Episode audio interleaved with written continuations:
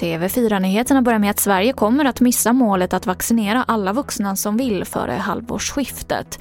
Det här säger vaccinsamordnaren Richard Bergström. Han bedömer att i juli så kanske det är 5 miljoner människor som är fullvaccinerade.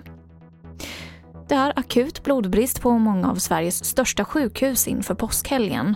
Och värst är det i Göteborg där blodgivarna minskat med 30 procent på ett år. Och coronapandemin ses som en orsak till problemet. Ja, det är akut. Vi får in för lite blod. Covid gör det inte lättare för våra blodgivare. Det är hårda restriktioner, man jobbar hemifrån, man tar sig inte in till stan. Man ska undvika gallerier.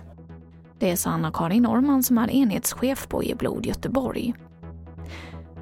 Och jag avslutar med att berätta att statsminister Stefan Löfven och Ulf Kristersson fortsätter att vara de partiledare som har störst förtroende hos allmänheten. Båda får 36 procent visar siffror från Novus. Och lägst förtroende hos allmänheten har Liberalernas partiledare Nyamko Sabuni som får 7 procent. Och det var det senaste från TV4 Nyheterna. Jag heter Emily Olsson.